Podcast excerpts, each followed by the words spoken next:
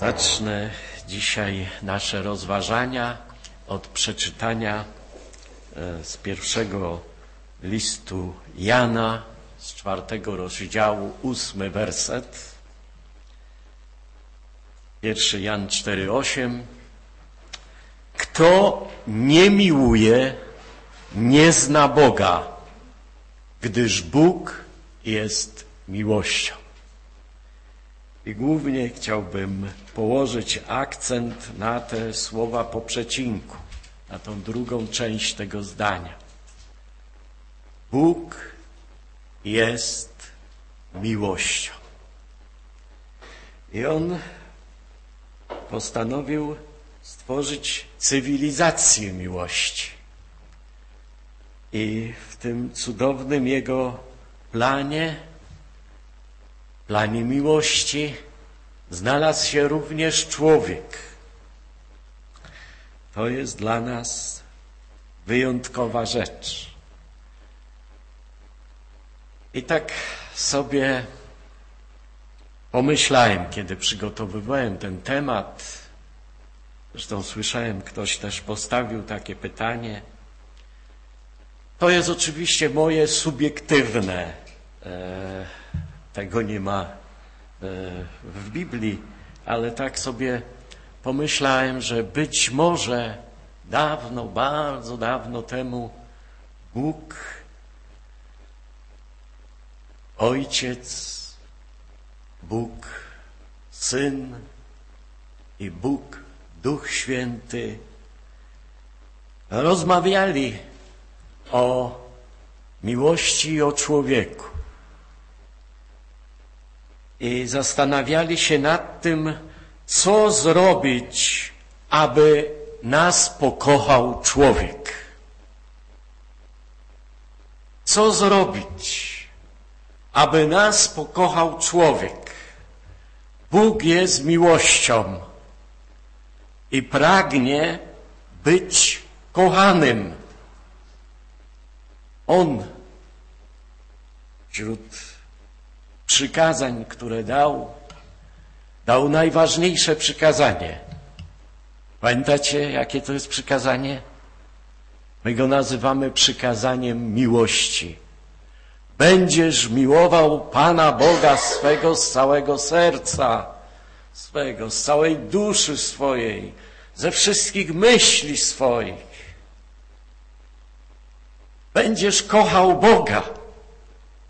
To jest pragnienie tam na wysokości. Pragnienie boskie. Bóg chce, żeby człowiek go kochał. I w tym celu zrobił bardzo wiele. Nie wiem, czy taka rozmowa była tam w niebie i czy takie pytanie było, jakie ja dzisiaj postawiłem, ale mogę przypuszczać, że była rozmowa na ten temat tam w niebie.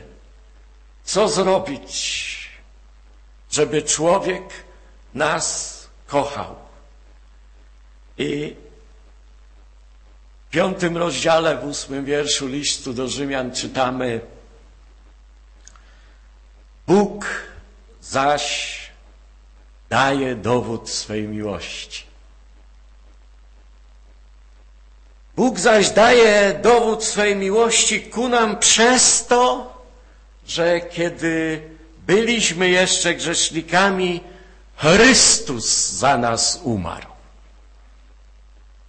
Może ta rozmowa, jeśli w ogóle taka była, to może Pan Jezus zaproponował, Ojcze, ja pójdę na ziemię. Wejdę w ciało, stanę się człowiekiem i będę tam razem z nimi opowiadał im o Twojej wielkiej miłości. I jako dowód umrę za ich grzech. Pan Jezus powiada, nie ma większej miłości nad tą, jeśli ktoś za kogoś życie położy. Jeśli ktoś odda życie swoje za drugiego człowieka, nie ma większej miłości nad te. I taką miłością kochał nas Pan Jezus. I dzięki takiej miłości zostaliśmy podciągnięci do rangi dziecka Bożego, syna, córki Bożej. To jest niezwykłe wyróżnienie. I o tym wszystkim pisze Jan w pierwszym liście. W czwartym rozdziale, w szesnastym wierszu napisał a myśmy poznali i uwierzyli w miłość, którą Bóg ma do nas. Bóg jest miłością. A kto mieszka w miłości, mieszka w Bogu, a Bóg w nim. Jakie to jest piękne. A myśmy poznali, bracia i siostry, a myśmy poznali Ewangelię, a myśmy poznali to, że Bóg daje dowód swej miłości poprzez Syna swojego, który umarł za nasze grzechy.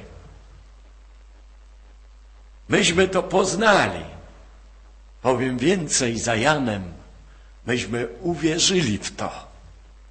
My jesteśmy głęboko przekonani o tym, że tak jest.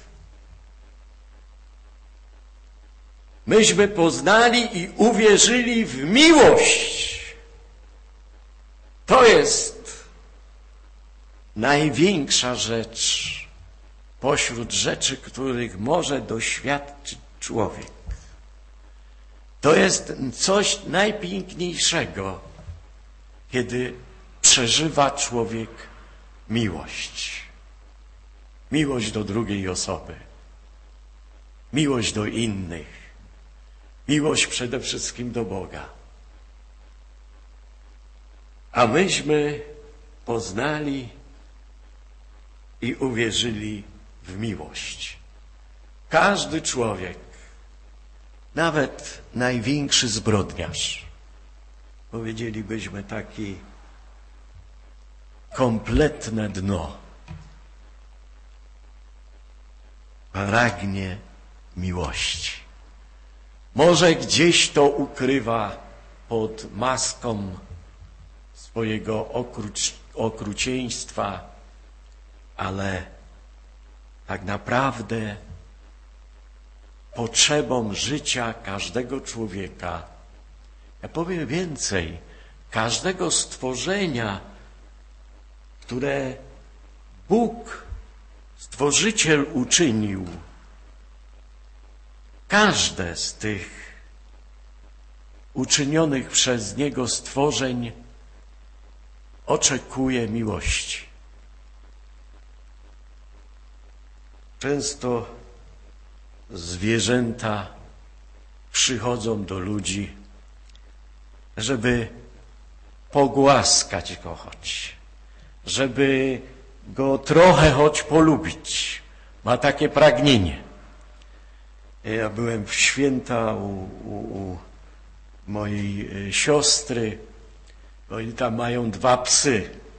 Ja szczerze mówiąc wolę koty, ale te psy Cały czas, jak nie jeden, to drugi przychodził, żeby go pogłaskać, bo to zaraz mu się lepiej zrobiło. Nie kawałek kiełbasy, ale żeby go pogłaskać. To jest ciekawe. Wiecie, e, e, kiedyś e, czytałem taką książkę o języku roślin, o języku drzew. Ja nie miałem pojęcia o tym, że drzewa ze sobą rozmawiają. Dopóki tej książki nie przeczytałem. Wtedy sobie przy, przypomniałem, że Biblia mówi, że drzewa będą klaskać, że się tak będą radować. Jest cała sieć korzeni pomiędzy drzewami i one poprzez te korzenie wysyłają impulsy elektryczne i porozumiewają się ze sobą.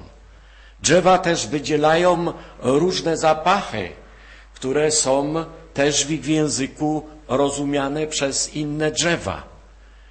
I w lesie jest tak zwykle, że jest rodzina drzew, że są starsze i młodsze drzewa, które pochodzą od tych najstarszych drzew. I kiedy jedno z nich choruje, to inne wysyłają przez te e, korzenie substancje wzmacniające, żeby je uleczyć. Niesamowita historia jest na ten temat, cała książka napisana. E, ja, ja byłem niesamowicie zdziwiony tym wszystkim, że to jest, nam by się tak wydawało, e, takie zwykłe drzewo, a ono czuje.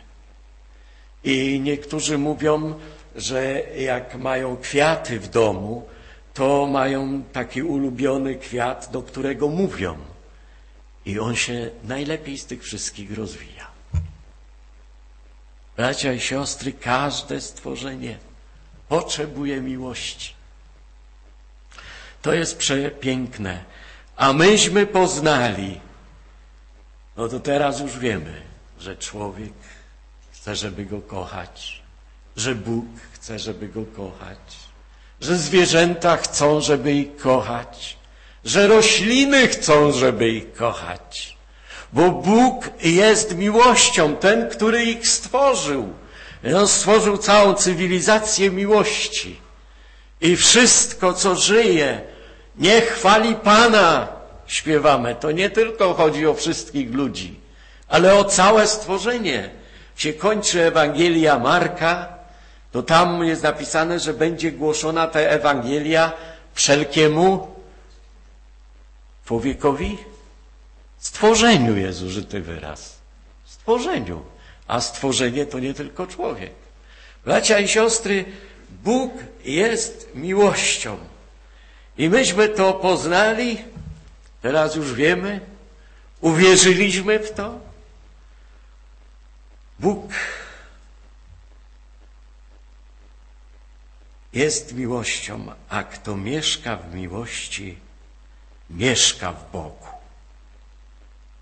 I wtedy Bóg mieszka w nim. Może dużo ktoś mówić o Bogu, ale jeśli nie kocha, to Bóg nie mieszka w nim. Z tego tekstu to jasno wynika. Kto nie miłuje, nie zna Boga. Gdyż Bóg jest miłością. W ósmym wersecie czytamy. Bracia i siostry, my mamy dzisiaj ostatnią niedzielę roku.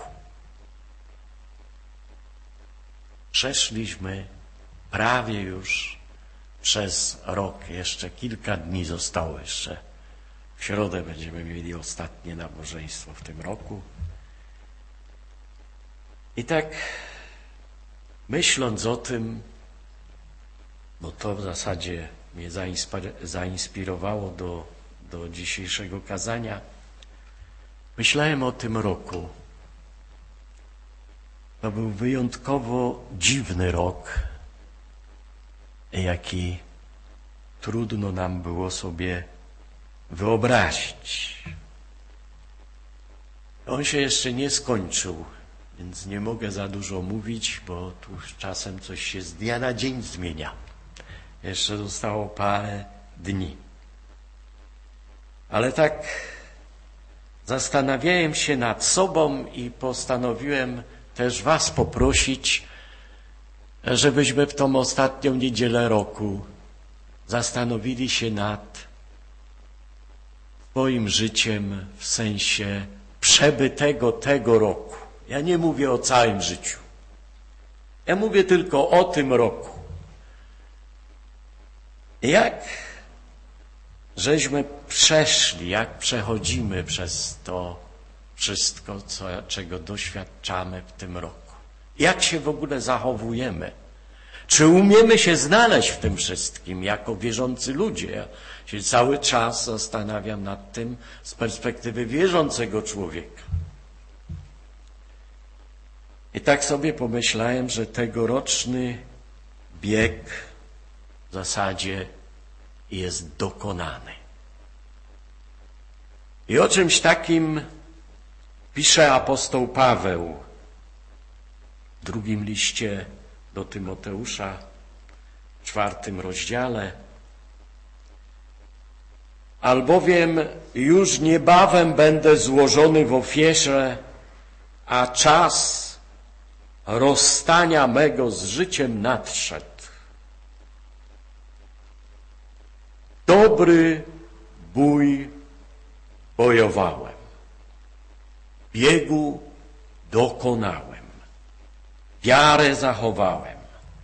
A teraz oczekuje mnie wieniec sprawiedliwości, który mi w owym dniu da Pan, sędzia sprawiedliwy.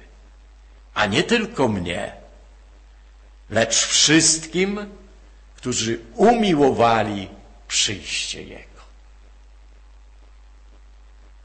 I tak podsumowywał nie rok, ale lata swojego życia apostoł Paweł i napisał takie słowa, które są dzisiaj dla mnie to inspiracją do tego, żeby się zastanowić nad tym mijającym rokiem w moim i prosić Was, żebyście się Wy zastanowili w Waszym życiu. Jaki ten rok był? Czy, czy mogę powiedzieć, że dobry bój bojowałem? W dobrej sprawie występowałem w tym roku. E, w ważnych kwestiach zajmowałem chrześcijańskie zdanie w danej sprawie. Czy też poszedłem na żywioł i zaangażowałem się razem z tymi, z tymi ludźmi, z całym tym motłochem niejednokrotnie, bo to trudno inaczej nazwać. Gdzie są moje myśli? O co ja walczę? Czy ja walczę o Ewangelię? Czy ja walczę o miłość? Czy walczę o dobrą nowinę? Czy walczę o jakieś sprawy socjalne, które mają poprawić komfort życia mnie czy komuś tam? Jaki bój bojowałem w tym roku? W czym byłem? O czym myślałem? W co się angażowałem? Dalej jest napisane biegu dokonałem. To jest ważne, żeby dotrzeć do mety.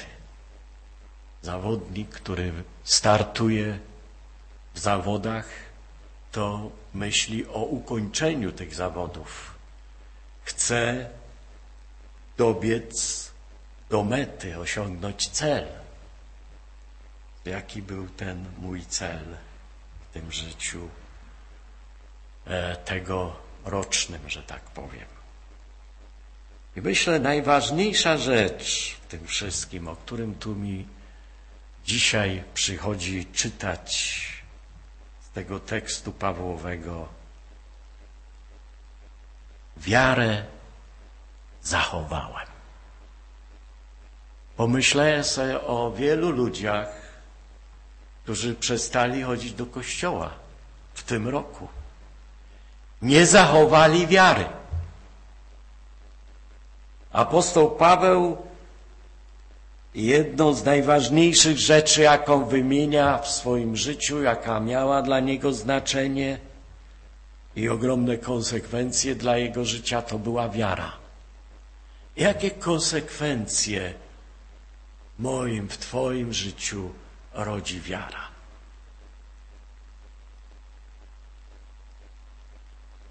Dobre pytanie na koniec roku do przemyślenia. A teraz oczekuje mnie wieniec sprawiedliwości, mówi apostoł Paweł. Kiedyś wam opowiadałem o tych nagrodach, no niedawno, chyba dwa, trzy tygodnie temu miałem tutaj kazanie o sądzie przed stolicą Chrystusową i tam wam mówiłem, że będzie wręczenie nagród. I jedną z nagród pragnie tutaj w tym tekście otrzymać apostoł Paweł. On mówi, dla mnie wieniec sprawiedliwości jest przygotowany, który mi w owym dniu da Pan, sędzia sprawiedliwy. I dla nas bardzo ważna informacja, a nie tylko mnie, pisze on, lecz wszystkim, którzy umiłowali przyjście Jego. Więc wieniec sprawiedliwości to jest nagroda dla miłujących powtórne przyjście Jezusa Chrystusa. To jest nagroda. Inna nagroda to jest korona nieskazitelna dla panujących nad ciałem. Pierwszy Koryntian od 9, 9 rozdział 24 do 27 wierszy. Następna nagroda to jest korona chluby dla nauczycieli, ci, którzy uczą Słowa Bożego. Księga Daniela 12, 3 i 1 Tesaloniczan 2, 19. Są referencje, jeśli chodzi o tą nagrodę.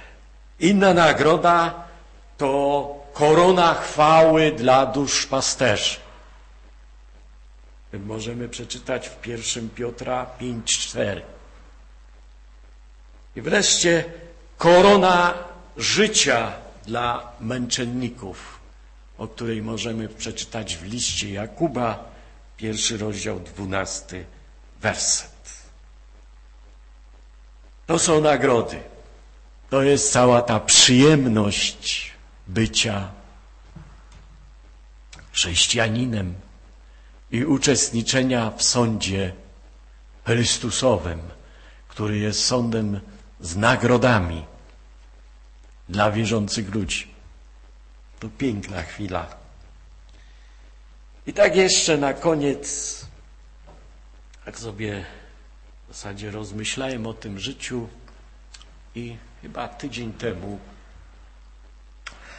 oglądałem film dokumentalny zatytułowany Boży Przemytnik. E, nie wiem, czy pamiętacie książkę Przemytnik tego brata Andrew z Holandii. To był taki wierzący człowiek, który w latach pięćdziesiątych, kiedy tu szalał komunizm, to były czasy stalinowskie, czy tuż po, po śmierci Stalina, on przyjechał do Warszawy, bo w Warszawie był kongres, Światowy Kongres Młodzieży. I on przyjechał na ten kongres z Holandii i zobaczył nasz kraj. E, I zobaczył, że tu jest wielki głód Słowa Bożego, że tu ludzie mają bardzo trudny dostęp do, do Biblii, do Słowa Bożego. I postanowił e, zająć się dostarczaniem Biblii na e, dostarczaniem Biblii do Europy Wschodniej. I zaczął to robić jako przemytnik, bo normalnie nie można było przewieźć tych Biblii. I te Biblie tam różne skrytki w samochodzie wkładał i przywoził do Polski, do Rumunii, a z Polski wieźli do Związku Radzieckiego i roznosiły się, rozprzestrzeniało się to słowo. I tak powstała organizacja Open Doors.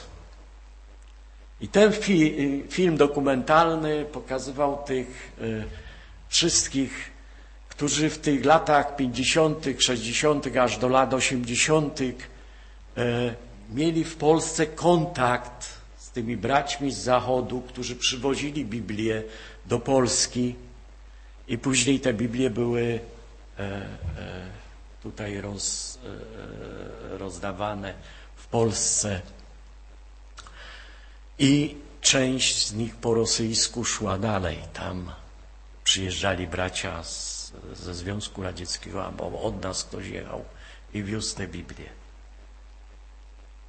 29 lat temu nasz zbór w grudniu 1991 roku zorganizował taki transport do Związku Radzieckiego.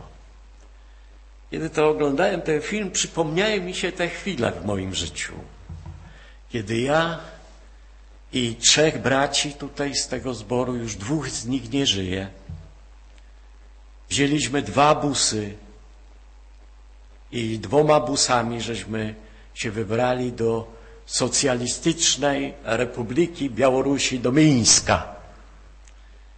No i załadowaliśmy tutaj busy y, artykułami spożywczymi, odzieżą, ale też wzięliśmy ze sobą Biblię po rosyjsku, ruskie Biblii.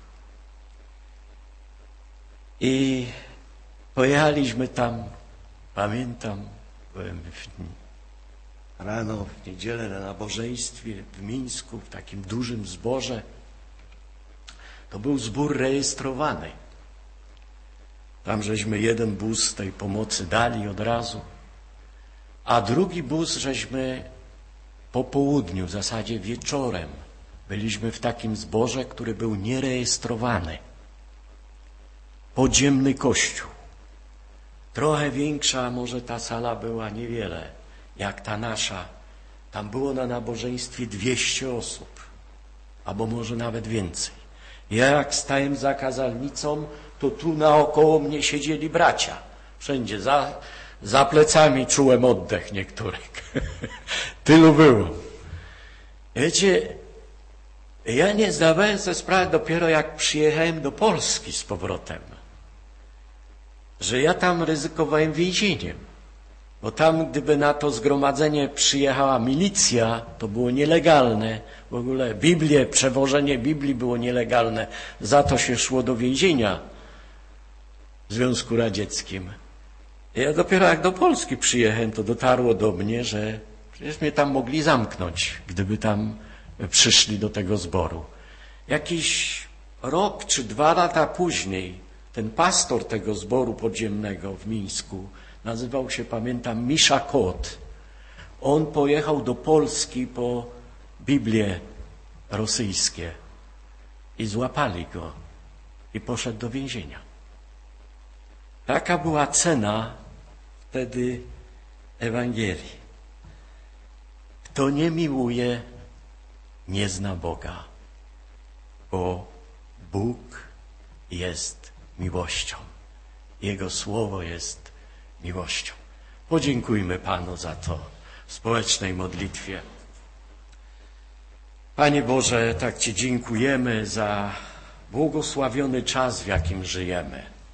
Tak też proszę Ciebie, żebyśmy byli też otwarci na pomoc dla innych, którzy potrzebują pomocy, czy to, Panie, żywnościowej, czy odczuwają głód Słowa Bożego, abyśmy też umieli zaopatrzyć ich w to, co potrzeba. Dziękuję Ci, że ten czas już minął w naszym kraju, kiedy musieliśmy się obawiać, kiedy musieliśmy drżeć z powodu wiary. Dziękuję Ci za tą wolność, jaką mamy dzisiaj w Jezusie Chrystusie. Dziękuję Ci za cały ten rok, że nas przeprowadziłeś i że jesteśmy dalej tutaj jako zbór, jako Twoi święci, zgromadzeni w imieniu Jezusa Chrystusa, Pana naszego. Amen.